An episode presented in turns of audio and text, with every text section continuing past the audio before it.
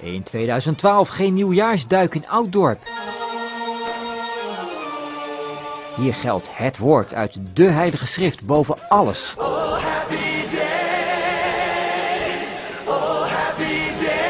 Dus staan ze hier op Oudjaarsdag aan de startlijn voor de Oudejaarsduik.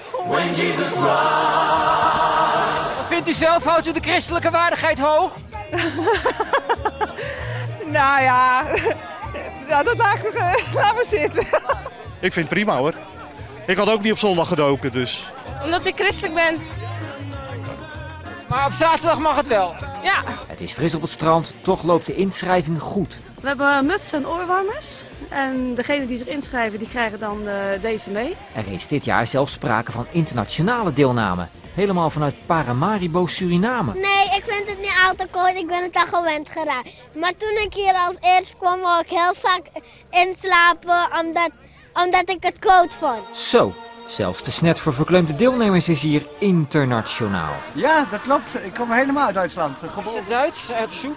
Uh, erwtensoep is ook een beetje Duits. Dus in ieder geval ook uh, heel uh, bekend in Duitsland om in de koude tijd van het jaar te eten. Daar gaat de meute los voor de enige echte oudejaarsduik van Outdoor.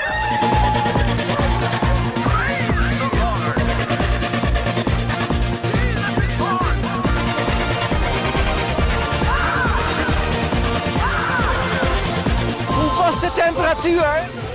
viel eigenlijk wel mee. Ja, het was best wel koud, maar het viel mee. Mooi. Laat 2012 nu maar komen.